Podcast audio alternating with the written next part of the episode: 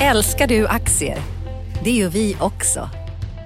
Sea Worldwide Asset Management är en av Nordens största oberoende aktiva aktieförvaltare och har samlad kunskap sedan 1986. Ta del av vår kunskap på seaworldwide.se. Bokstaven C, worldwide.se.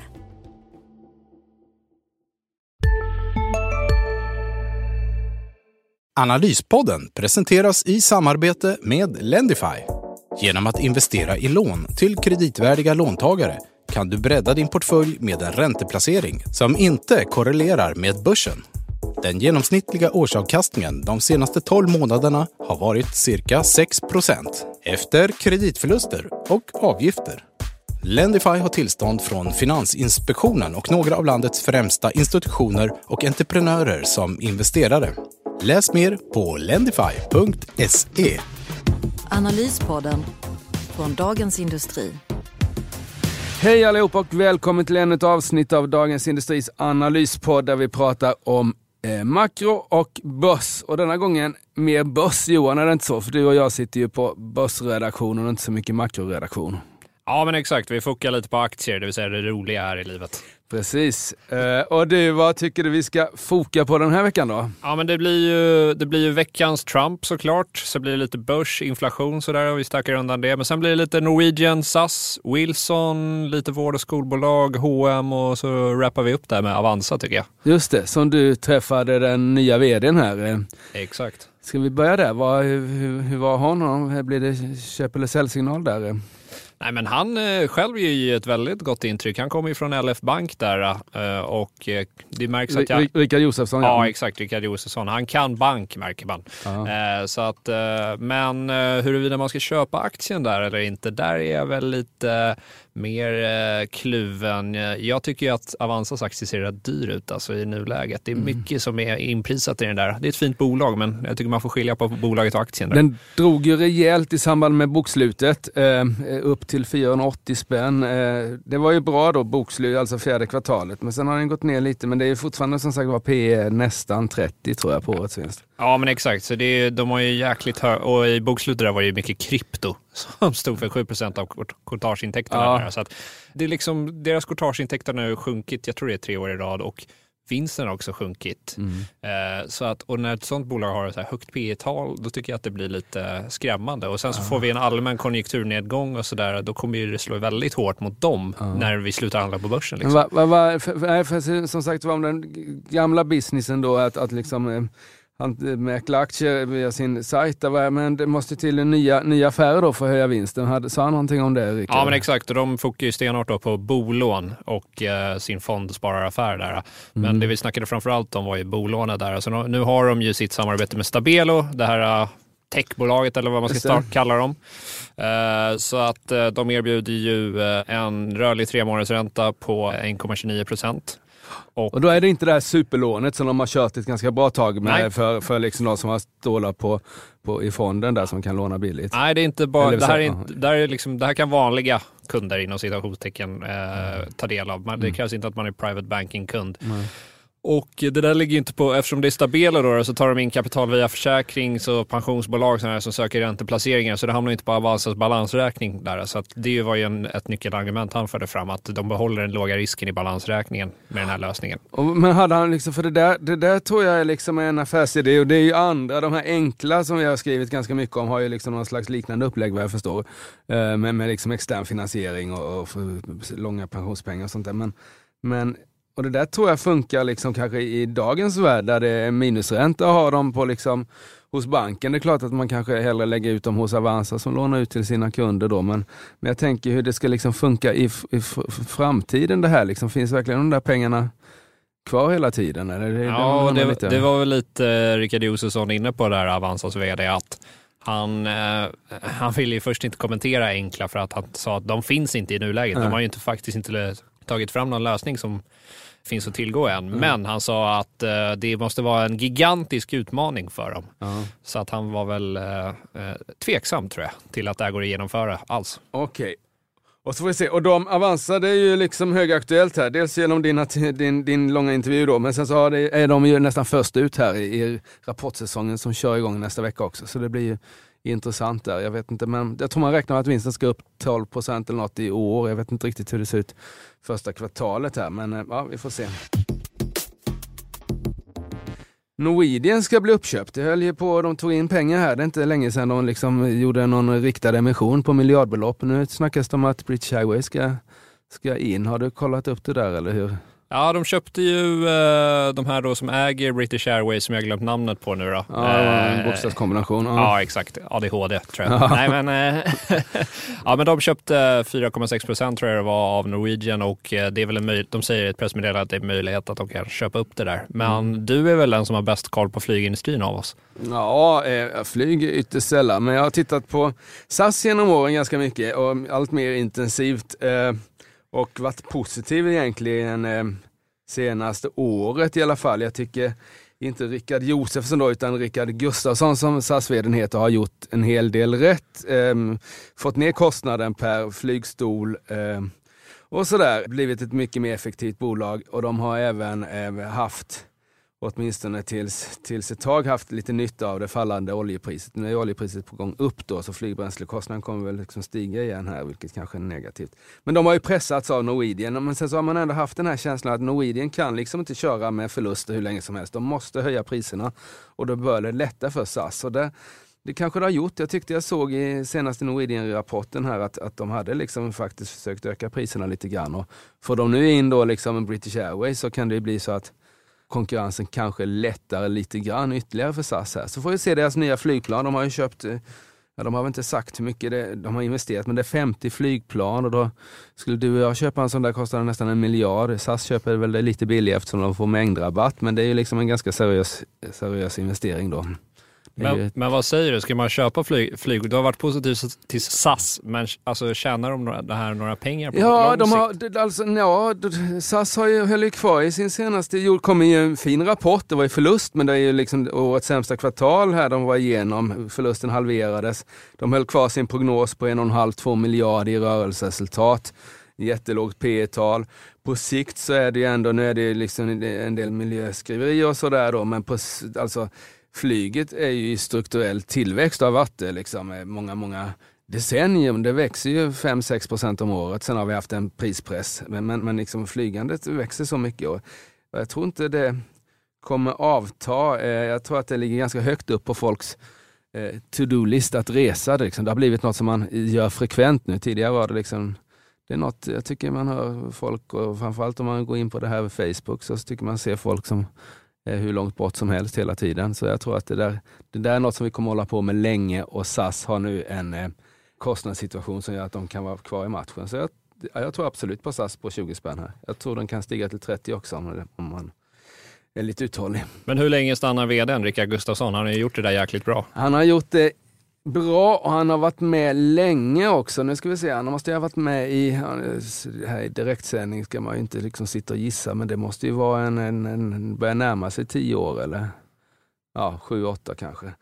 Eh, och det, då är man ju liksom, då har man ju passerat eh, genomsnittsåldern på en vd-period eh, eh, och bolaget börjar redovisa vinst. Han skulle nog kunna gå, han kommer ju från finansvärlden, nu finns det ju inga stora vd-jobb ledigt som jag har på, i bankvärlden. Va? Så, ja, det är möjligt. Det har diskuterats från och till när det dyker upp sådana där jobb att Rickard Gustafsson skulle kunna vara någon med tanke på den turnaround som han har genomfört. Så det, det är absolut en möjlighet att han byter jobb här under året. Men jag vet inte riktigt just nu. Bank har det snackats om med tanke på att han har bankerfarenhet, men han var någon som la fram hans namn på Ericsson, men det blev ju Börje Ekholm istället. Så det fick han inte bli den gode Gustafsson. Ja, om Handelsbankens kraftgång fortsätter så kanske det finns en öppen position där. Vem vet? Vi får se. Ja, det vore ju en märkeshändelse om de tar en extern eh, flyg, flygchef. de har ju alltid kört väldigt internt där. Eh, så, men vem vet, Handelsbanken har ju, det är jätteintressant, eh, det kanske inte står med på agendan att prata om här då, men, men den här, vi pratar ju om detaljhandels döden, butiksdöden men bank, alltså, banker måste ju minska och Handelsbanken har ju ett jobb där att göra, att ta ner sina bankkontor. Det kanske ska in en extern kraft som gör det, vem vet. Eh, men ja, vi får se. SAS, har du något att tillägga där eller har vi liksom varit uppe i luften för den här gången? Ja, jag, jag flyger till Rom imorgon med Norwegian. Jag hoppas de håller sig fly, flyta, flyga, flytande till dess. Flygandes och flytandes till dess. Ja, det gör de nog. Det gör jag. Och det är jättespännande för det har ju snackats om den här konsolideringen. Tittar man i i, USA så är det färdigkonsoliderat med fyra, fyra fem bolag eh, på den kontinenten. Europa som är lika stort har ju mängder av flygbolag. Så det, de har ju bara väntat på att det ska liksom börja ske och det har ju skett en del affärer. Och det är möjligt att Norwegian hamnar i England då och så får vi se var SAS hamnar. Eh, Lufthansa brukar ju säga att de inte är intresserade men är det någon då så skulle det kunna vara Lufthansa eller möjligtvis att Finnair och SAS går ihop eller så. Ja, men vad ska man säga om börsen i allmänhet då? Liksom, när vi gick in här på torsdags, eh, strax innan börsstängning på torsdagen här, så ger den ju upp med dryga procenten va? Ja. Och det har ju varit lite sidledes kan man konstatera. Ja, sidledes har det ju varit, men det har ju varit det, var inte, det har inte varit stillsamt sidledes. Det har liksom slutat sidledes efter att varit både upp och ner. Nej, men får väl, det är väl två ord eh, som kännetecknar den här börsen och det är Donald Trump. Han, det är ju det är liksom den geopolitiska som liksom så det, det byter ju, byter ju liksom börsriktningen byts ju hela tiden här beroende på vad Trump hittar på och twittrar. Det som är grejen nu är ju Syrien då. Det, är, det går väldigt snabbt här. Det som var grejen för någon vecka sedan var Kina, men nu är det Syrien och USA och Ryssland där. Och jag, där politiska bedömare är ju uppriktigt oroade för att det kan liksom hända något där. Jag tror, jag hade någon diskussion med någon, någon sån här gammal förvaltare i, i veckan här och jag jag hävdar att vi överskattar den geopolitiska risken på finansmarknaden, men jag kan ha fel där. Det kan liksom smälla till i detta nu medan vi står här inne i, i det tysta rummet och pratar. Nej, men jag håller med, det brukar, det, men det är alltid något nytt uh, att oroa sig för när det gäller geopolitiken. Och, -huh. uh, det är Nordkorea, det är Syrien, det är Kina, det är mm. Brexit. Så att man hittar ju alltid något nytt att oroa sig för. -huh. Jag tycker att det är lite överdrivet de där ofta. Sista dagarna nu på vårens stora season sale. Passa på att göra sommarfint hemma, både inne och ute. Och fynda till fantastiska priser. Måndagen den 6 maj avslutar vi med Kvällsöppet i 21. Välkommen till Mio. Vi är specialister på det vi gör, precis som du. Därför försäkrar vi på Swedea bara småföretag, som ditt. För oss är små företag alltid större än stora och vår företagsförsäkring anpassar sig helt efter firmans förutsättningar. Gå in på swedea.se företag och jämför själv. Men det är intressant att följa. Hittills de sista åren har det varit köptillfällen när det liksom skakar till och går ner. Liksom.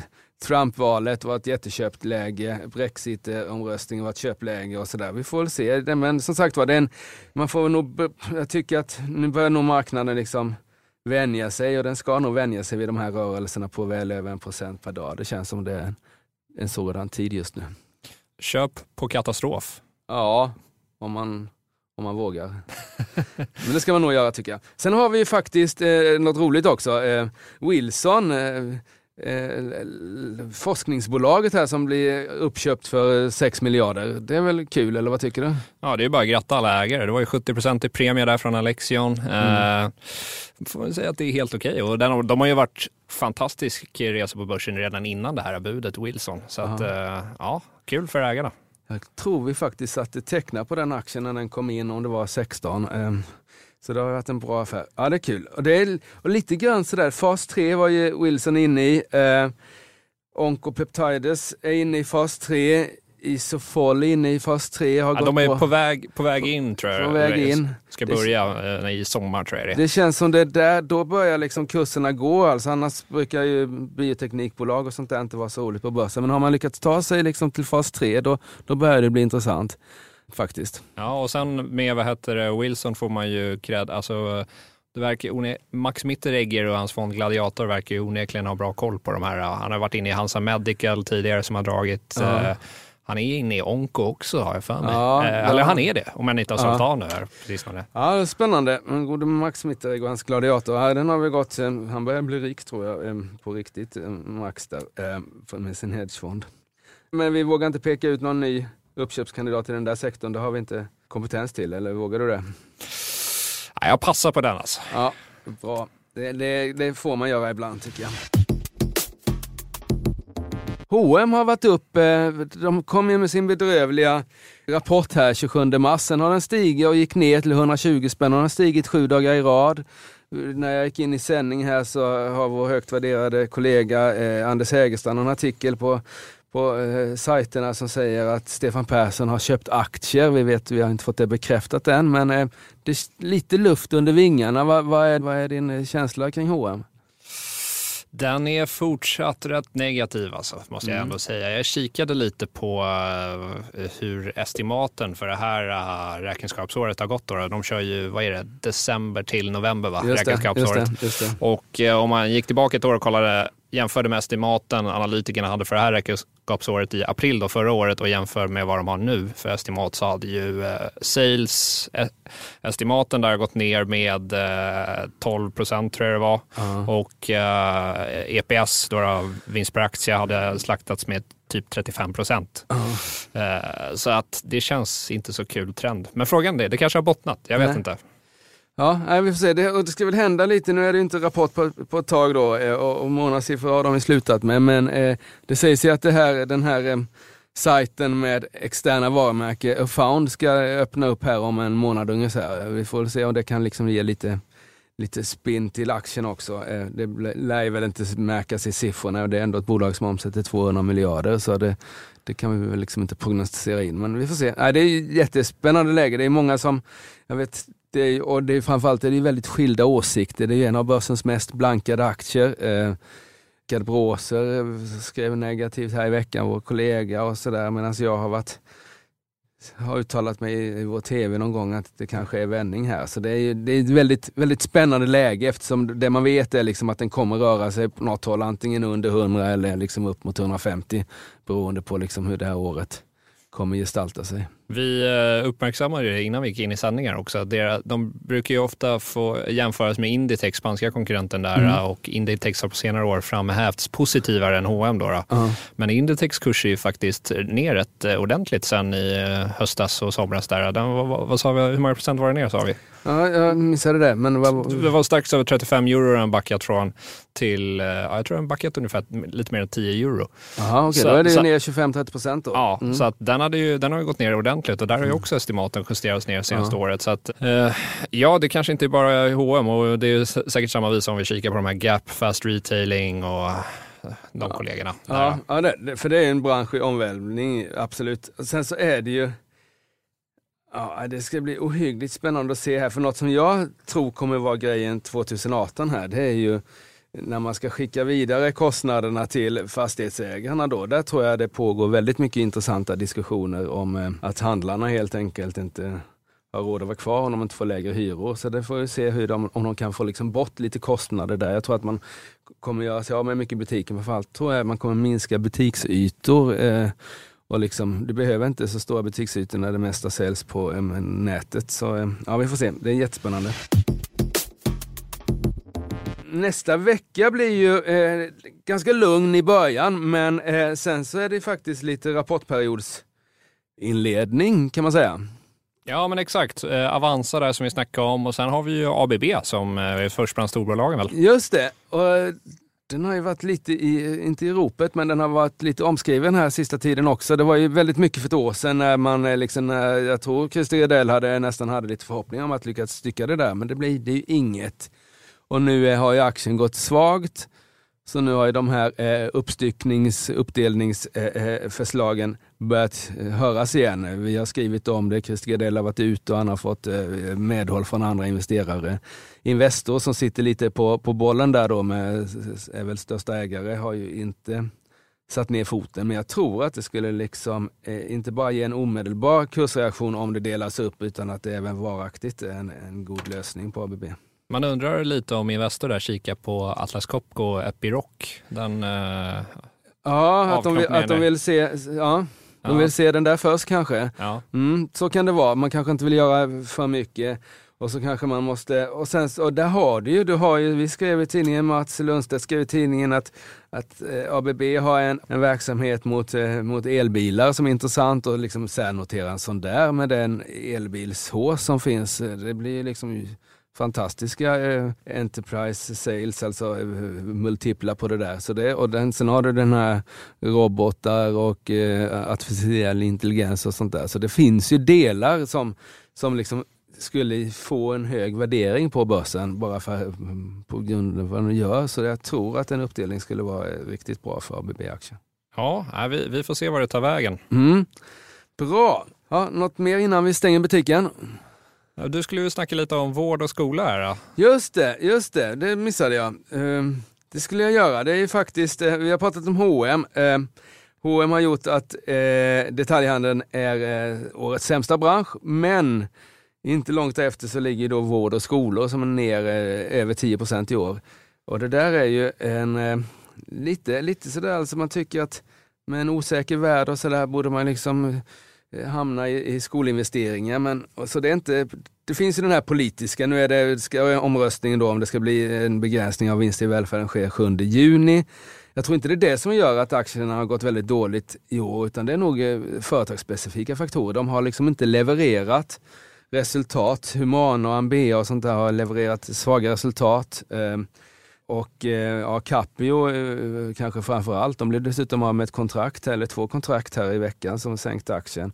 Och vad det gäller skolbolagen så är ju problemen att eh, lönerna för lärare har ökat eh, ja, nästan 10 procent medan skolpengen bara ökat 2-3. Så det, det, det, riskerar att pressa marginalerna här eh, framöver. Så det är lite det blir lite otajmat kan man säga om man, eh, när man ska rösta om de höga vinsterna i skol och vård, vård när när branschen är sämsta bransch på börsen till följd av eh, ska vi säga, vinst, vinstpress. Ja, här på torsdagen så rekryterade Humana Martin Tiveus som ny vd. Vad säger du om det? Ja, Attendo. Ja, förlåt, Attendo. Ja, ja det, det var ju lite, eh, det är också om, om, om, Trump kör liksom börsen varannan dag upp och ner så verkar eh, Martin Tiveus ha antagit något slags Varannat jobb han tar är i finanssektorn och varannat är i vårdsektorn. Han började på Avanza och sen så blev han veterinär eh, och det är väl lite vård och sen så, sen så tillbaks till Klarna vilket är finans och nu blev det liksom Attendo och det är också vård även om det inte är djur som de hanterar utan människor. Men eh, ja, han har något jobb att göra. Det är ju en växande sektor. Eh, jag vet inte var hans kompetens ligger just i det här då men jag ska inte döma ut honom utan jag ska liksom låta honom få jobba något år innan jag utvärderar honom. Men det är spännande, det är en, en välkänd eh, profil liksom, med tanke på hans bakgrund, framförallt på Avanza. Då. Ja, och ska han hålla den där varannan så är han ju ytterligare en vd-kandidat för Handelsbanken. Ja, men det tror jag inte han, det tror jag, det, det tror jag är för stora skor för den gode Martin Tiveus. Men eh, de kanske passar på Attendo. Ja. Jag tycker vi tackar för oss. Har du något sista att delge vår eh, lyssnarkrets innan, innan de får paus och kan gå på helgledighet? Eh, det är ju vår ute. Eh, nej, faktiskt inte. Nej, inte jag heller. Mer än att ni kan jättegärna och eh, lyssna på våra övriga poddar. Vi har Digitalpodden och sen så har vi podden Förnuft och känsla och eh, Makropodden tror jag också kör, kör, kör nu för tiden. Så vi eh, lyssnar på dem och så får ha en skön helg och eh, Ja, ha det bra. Tack ska ni ha. Tackar. Analyspodden från Dagens Industri. Podden redigerades av Umami Produktion. Ansvarig utgivare Lotta Edling. Analyspodden presenteras i samarbete med Lendify. Genom att investera i lån till kreditvärdiga låntagare kan du bredda din portfölj med en ränteplacering som inte korrelerar med börsen. Den genomsnittliga årsavkastningen de senaste 12 månaderna har varit cirka 6% efter kreditförluster och avgifter. Lendify har tillstånd från Finansinspektionen och några av landets främsta institutioner och entreprenörer som investerare. Läs mer på lendify.se.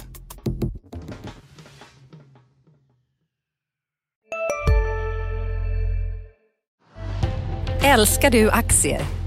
Det gör vi också. Sea Worldwide Asset Management är en av Nordens största oberoende aktiva aktieförvaltare och har samlad kunskap sedan 1986. Ta del av vår kunskap på seaworldwide.se. Bokstaven C, worldwide.se